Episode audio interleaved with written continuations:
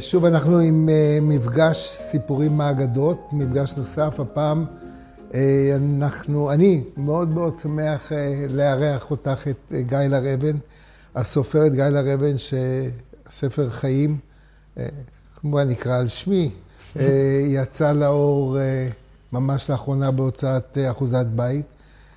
ברוכה הבאה. תודה. ואנחנו בחרנו יחד להתמקד באנשי שוליים, ממש, או בנשות שוליים, בשפחה. המילה הכי, הכי מעליבה, המילה שפחה, זה אפילו לא עוזרת, או, אלא שפחה, השפחה של רבי, של רבי יהודה הנשיא.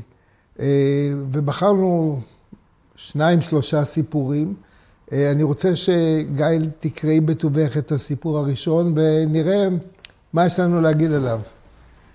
אותו יום שנחה נפשו של רבי, גזרו רבנים תענית וביקשו רחמים ואמרו, מי שיאמר נחה נפשו, ידקר בחרב. עלתה שפחתו של רבי לגג, אמרה, עליונים מבקשים את רבי, והתחתונים מבקשים את רבי, יהי רצון שיחופו תחתונים את העליונים. כיוון שראתה כמה פעמים שנכנס לבית הכיסא וחלץ תפילין ומניח אותן ומצטער בייסורי חולי המעיים שלו, אמרה, יהי רצון שיחופו עליונים את התחתונים. ולא היו שותקים חכמים מלבקש רחמים עליו שיחיה, ולפיכך לא הועילה תפילתה. נטלה כד, השליכה מן הגג לארץ, ומפני הרעש הפתאומי, שתקו מלבקש רחמים, ונחה נפשו, נפטר רבי. אמרו לו חכמים לבר כפרא, לך בדוק. הלך, מצאו שנחה נפשו. קרע את לבושו והחזיר את הקרע לאחוריו, פתח ואמר, אראלים ומצוקים אחזו בארון הקודש, ניצחו אראלים את המצוקים, ונשבע ארון הקודש. אמרו לו, נחה נפשו של רבי? אמר להם, אתם אמרתם, ואני לא אמרתי. תשמעי, אני שמעתי את הסיפור הזה כבר עשרות פעמים. אני למדתי אותו ולימדתי אותו, ואני מוכרח להגיד לך עכשיו שקראתי אותו, זה היה כאילו הוא חדש בעיניי, וגם, וגם אני נאחזתי, אולי אפשר לעצור את מותו של רבי. מעניין, תשמע, יש שאלה גדולה על מה הסיפור הזה, הוא ודאי לא על דבר אחד. אה, בקריאה ראשונה שקראתי אותו, אני חשבתי שזה סיפור שבמונחים מודרניים זה סיפור על הארכת חיים. הם מעריכים את חייו של הגוסס ששרוי בייסורים גדולים, ואוחזים בו ולא נותנים לו ללכת, או כמו שאומרים היום בלשון הניו-אייג'ית, לא משחררים. אה, מתבקש לשאול למה. הם זקוקים לו, הם רוצים אותו. התשובה המתבקשת, כן, זה שהם לא יכולים לדמיין עולם בלי רבי. זאת אומרת, העולם בלי רבי הוא בלתי נסבל. אה, זו תשובה בעייתית מבחינתם. אני יכולה, מוכנה להעלות השערה נוספת, זה שהם המוות מפחיד אותם. זאת אומרת, אין להם תפיסה או אמונה ברורה, שהביטוי שנחה נפשו מופיע שלוש פעמים בסיפור. ייתכן שיש להם ספקות בשאלה אם אכן נפש ואכן מנוחה.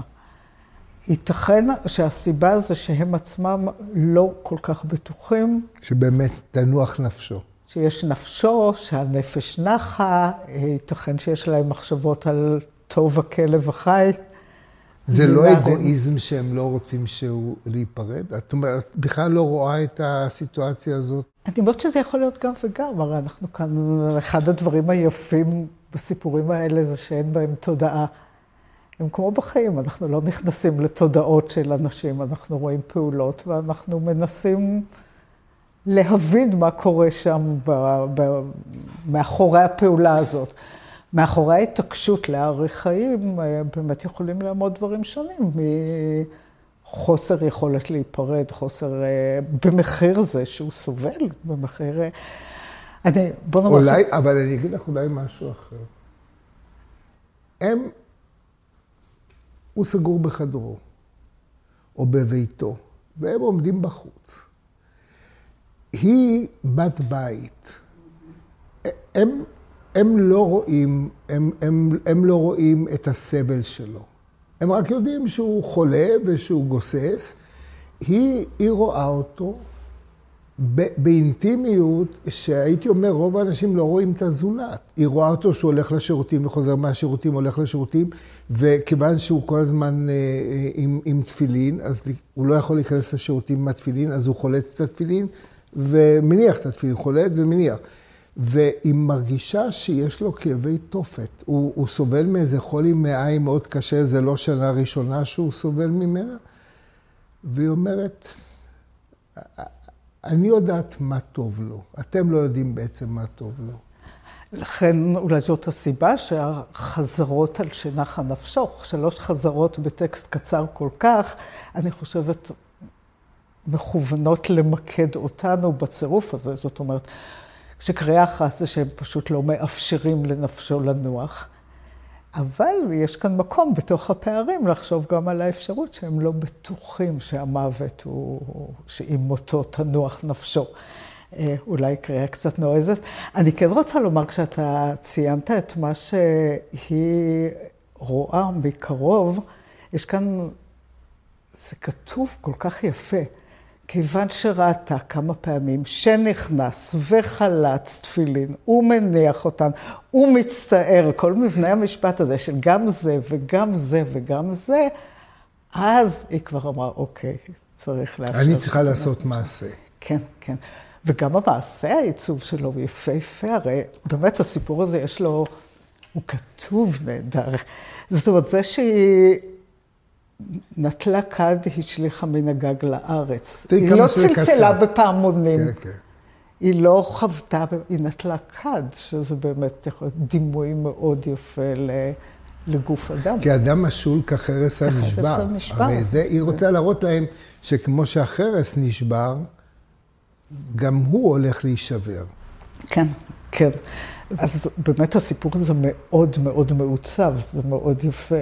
אפילו הפתיחה, אותו יום שנחה נפשו, גזרו חכמים ואמרו, מי שיאמר נחה נפשו ידקר בחרב. זו התמצית של כל מה שקורה שם אחר כך. זאת אומרת. הם, הם מייסטרים, נכון? הסיפור מתחיל בזה שנחה נפשו. זאת אומרת, באותו היום, אנחנו כבר אחרי מותו, ואנחנו ביום שבו הוא מת, אמרו שמי שיגיד שהוא ימות. אה, אז זאת פתיחה נהדרת.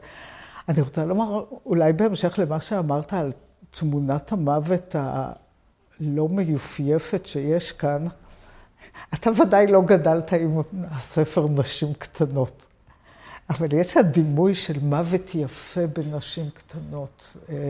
בת, שהיא חצי קדושה ומלאכית כל חייה, ואז כשהיא מתה כנראה בשחפת, זה...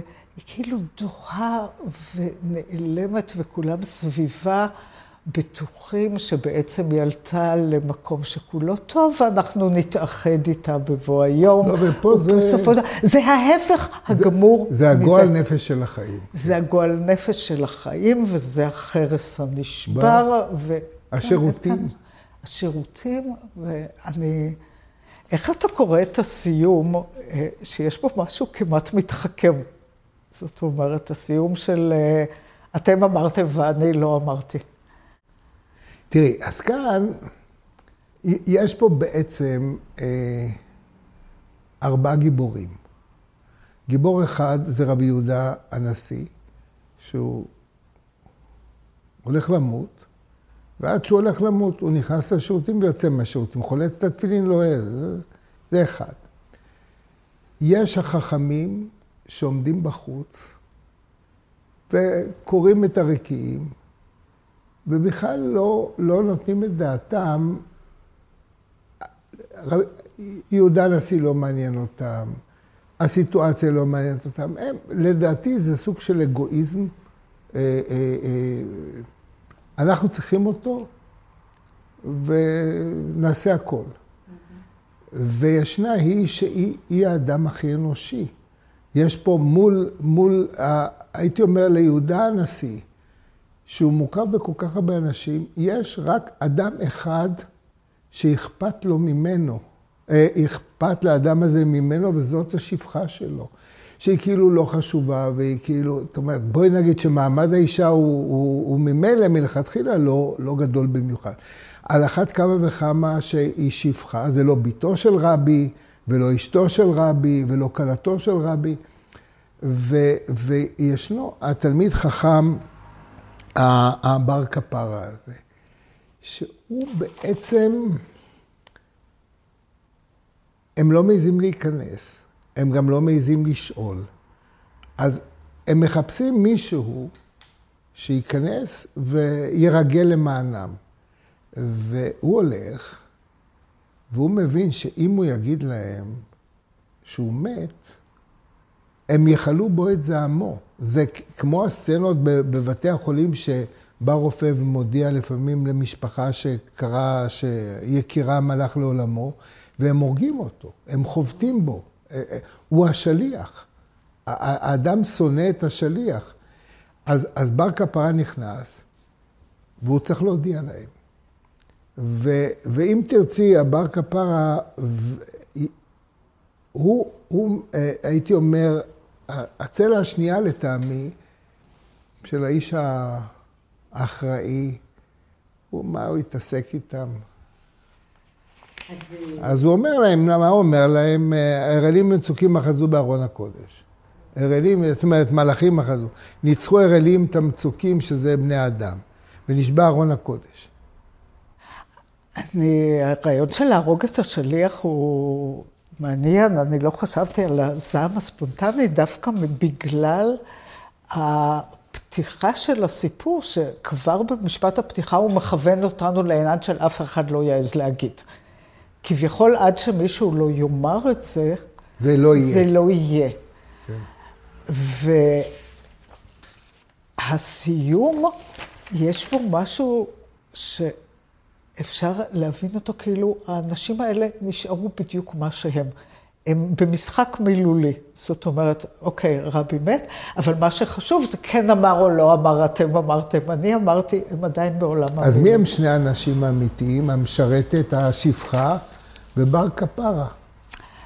אה, כן, אני, אני רוצה לומר משהו על השפחה. המחשבה הראשונה שהייתה לי, כיוון שבקריאה ראשונה קראתי את זה כסיפור על ערש דווי.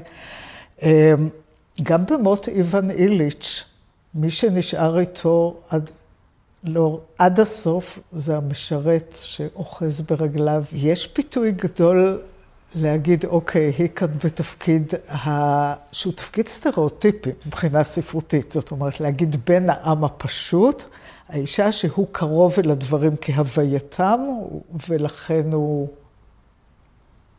הארצית, האישה הארצית. הארצית. כן. כדאי אולי, אבל שנזכור שהדימוי הזה של האישה כארצית, כמחוברת אל הכד, אל החרס, אל השירותים, אל הגוף האדם כפי שהוא וכולי, א', שהוא דימוי פרובלמטי, וב', שיש מחבר מוכשר מאין כמוהו, שחיבר את הדמות הזאת. אבל אני חושבת שאם מישהו ממציא דמות כזאת של האשת השוליים שמגלמת משהו שהוא חשוב, הוא כן מנסה לומר, יש משהו שחסר בנו. זאת אומרת, אם יש לי האיש הפשוט שמשמיע דברי חוכמה וכולי, כנראה, זאת המצאה, אבל כנראה שאני מרגישה שמשהו מזה חסר בי.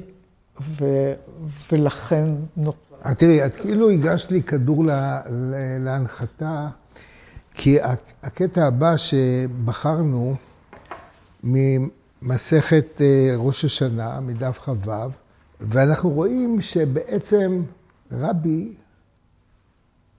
מוקף בחכמים ובידענים ובמלומדים וביועצים, אבל מי שבעצם, שוב, המחובר יודע הכל. יודע את זה באופן טבעי, הוא לא יודע את זה כמלומד, הוא יודע את זה, איך אומרים, כאגב אורחא. מתוך החיים זאת השפחה. ו, ואני חושב שכאן, אם, אם אה, יוצא או נוצר רושם שבגלל שהיא, היא, לצורך העניין במירכאות פרימיטיבית, ולכן היא מבינה את רבי, היא גם מתוחכמת.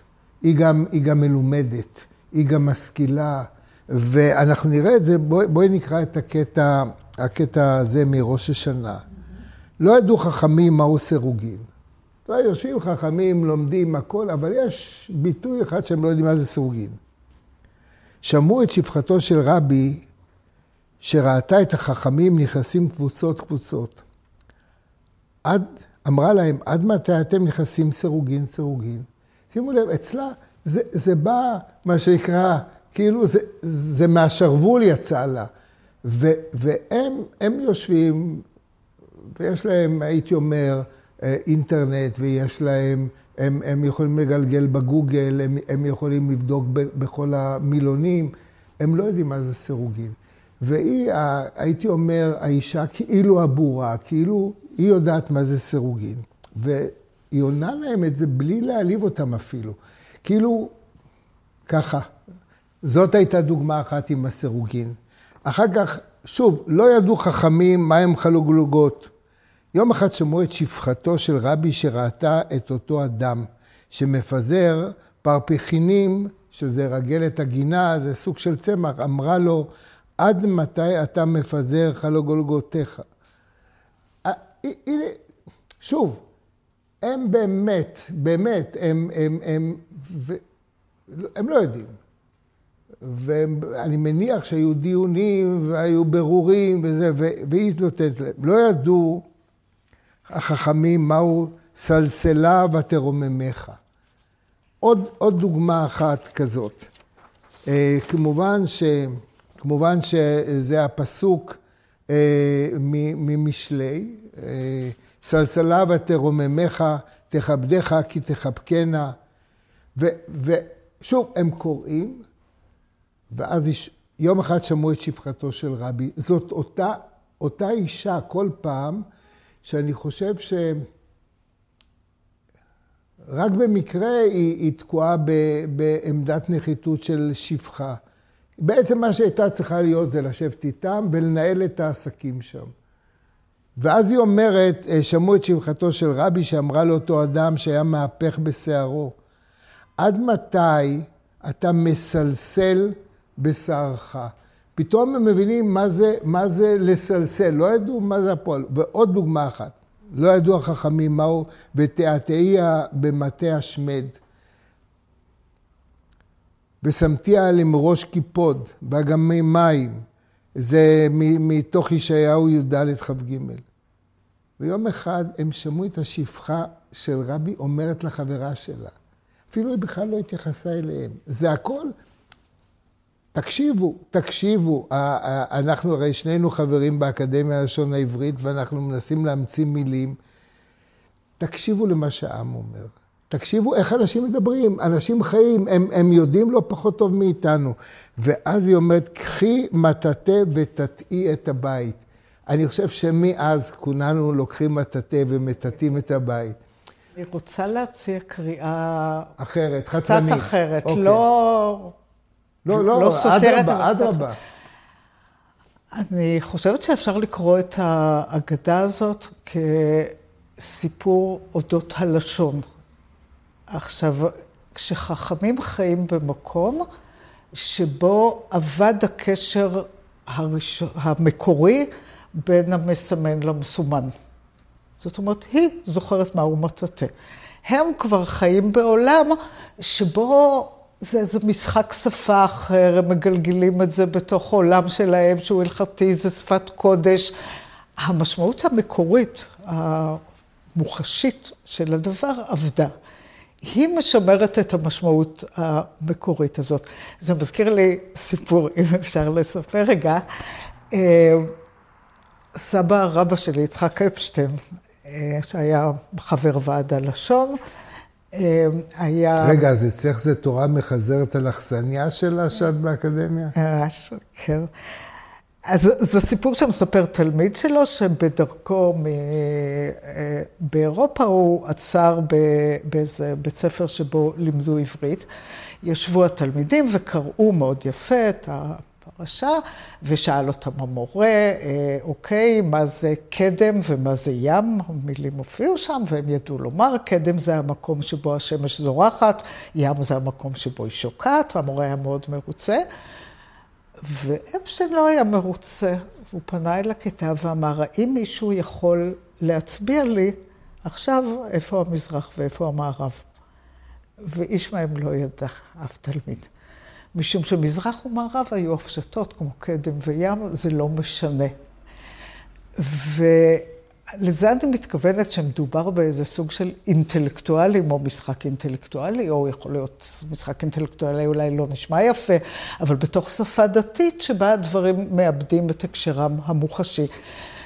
ושהדמות באמת של אה, שפחתו של רבי היא זאת ששומרת את היחס המקורי אה, בין המסמן למסומן, המשמעות הראשונית שהייתה לו.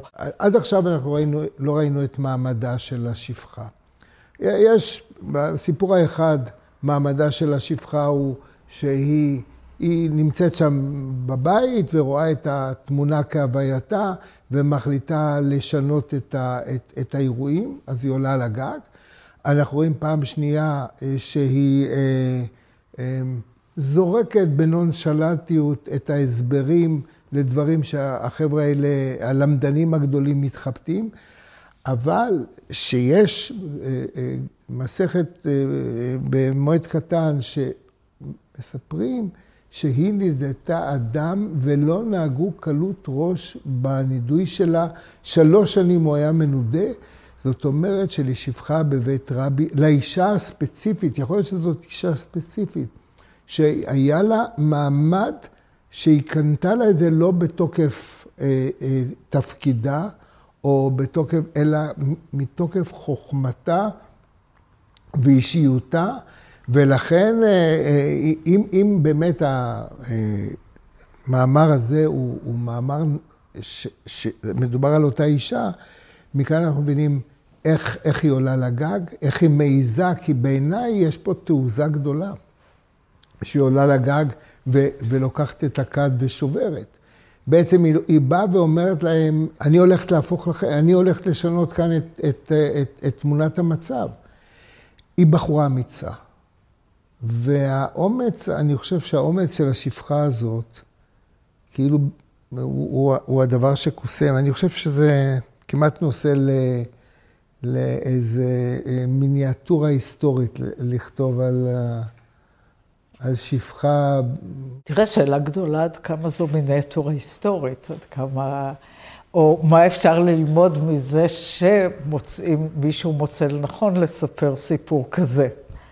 אה, אני כן חושבת שבאמת, אה, לפחות שניים מהסיפורים האלה, כמו שאני קוראת אותם, מבחינתי זה סיפורים שיש בהם ביקורת עצמית, וזה סיפור שבו מעמידים דמות של אה, אישה, של מישהי מפשוטי העם, כביטוי למשהו שחסר בנו. זאת אומרת, זה מין האחר, ומתוך דמות האחר הנבנית, אנחנו למדים על מה חסר ב... בעצמי, באני.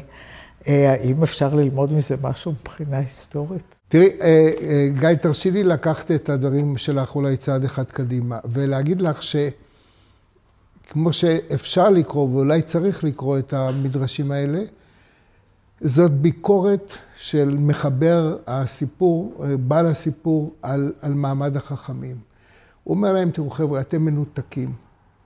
אתם, אתם לא יודעים מה זה מטאטא, את, אתם לא יודעים מה זה הצמח הזה, אתם גם לא מבינים צרות של אדם, אתם, אתם לא מתייחסים אליו, הוא רוצה למות, תנו לו למות.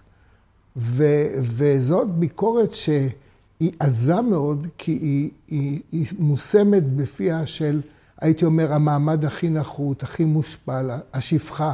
אפילו לא אומרים, אה, הייתי אומר, עוזרת הבית של, של רבי יהודה הנשיא, אלא השפחה הכי מושפלת, והיא בעצם זורקת עליהם אור ואומרת, חבר'ה, אתם לא אנושיים, אתם לא בני אדם, אתם מנותקים מהחיים. נדמה לי שכך צריך לקרוא את הסיפור הזה. אני חושב שזה יהיה נכון לסיים כאן, אה, בדברים שלך, על זה שהאישה הזאת מאירה באור מעניין וחדש את עצם קיומנו. גיא, תודה רבה. תודה, חיים.